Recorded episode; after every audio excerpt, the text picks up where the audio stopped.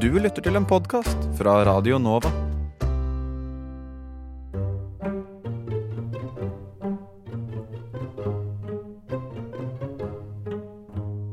Velkommen til timeglasset. Og Sondre, hva har vi i glasset i dag?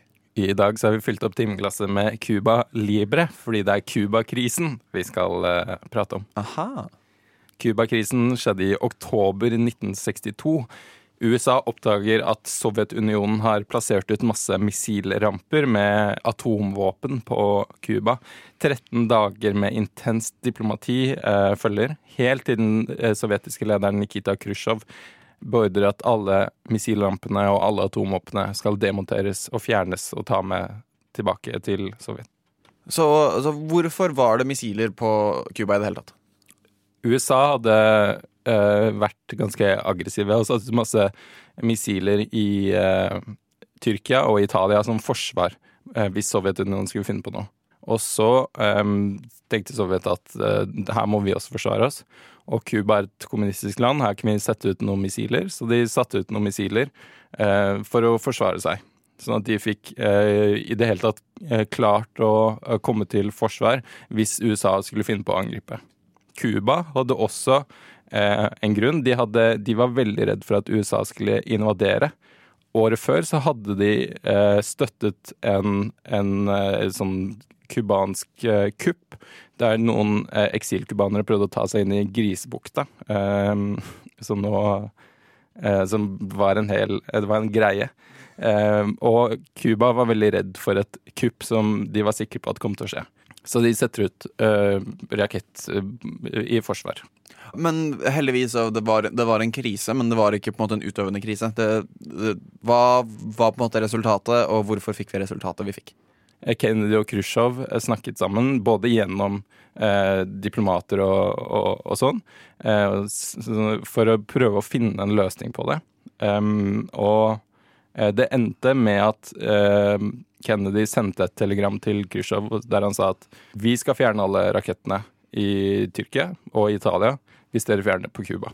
Så taper vi ikke så mye ansikt, og så eh, kan, det, kan vi kanskje bli bedre venner på sikt. Hadde vi et positivt utfall da fra Cuba-krisen? Ja, dette var i hvert fall det vanskeligste verden hadde stått overfor. Dette var det farligste punktet i eh, den kalde krigen, som vi regner det.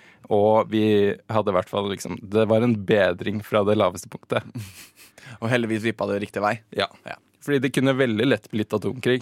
Og, og det var også en av grunnene til Khrusjtsjov. Han, han, så at eh, det hadde vært masse problemer på Cuba. Det hadde vært masse problemer i de russiske konvoiene. Og de visste at eh, plutselig så er det en liten gnist i et uforutsett sted i, i kruttønna som kan eh, ta fyr, og så eksploderer hele greia. Hvis én finner på at faen, nå må vi ta dem, nå kommer det noen, uten at det faktisk har skjedd, så mister de kontroll over hele situasjonen, og verden går tapt fordi det er atomkrig. Noe som ingen egentlig har lyst på. Shit.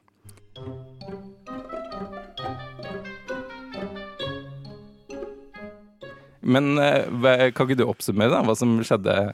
Oh, ok, vi, ja, vi drikker Cuba Lebre for Cuba-krisen. Um, Sovjet har lyst til å plassere raketter i Cuba fordi USA har masse raketter i nærheten av Sovjet. Det er masse intens diplomati hvor uh, Khrusjtsjov og uh, eh, JFK prater sammen og blir enige om at vi skal fjerne missilene fra hvert vårt sted. Uh, fordi JFK sier hvis du fjerner det, så faktisk bomber vi dere. For vi har alle disse rakettene som er nærme dere, og dere har ikke tid til å, å bombe oss i tide, så vi vinner uansett. Og, men det var veldig vippepunkt, og vipper det feil vei, så er det gnist i en kruttønne, som er verdenen vår, og den går under med en gang.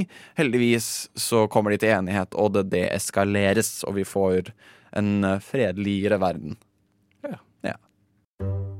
Du har hørt en podkast fra Radio Nova.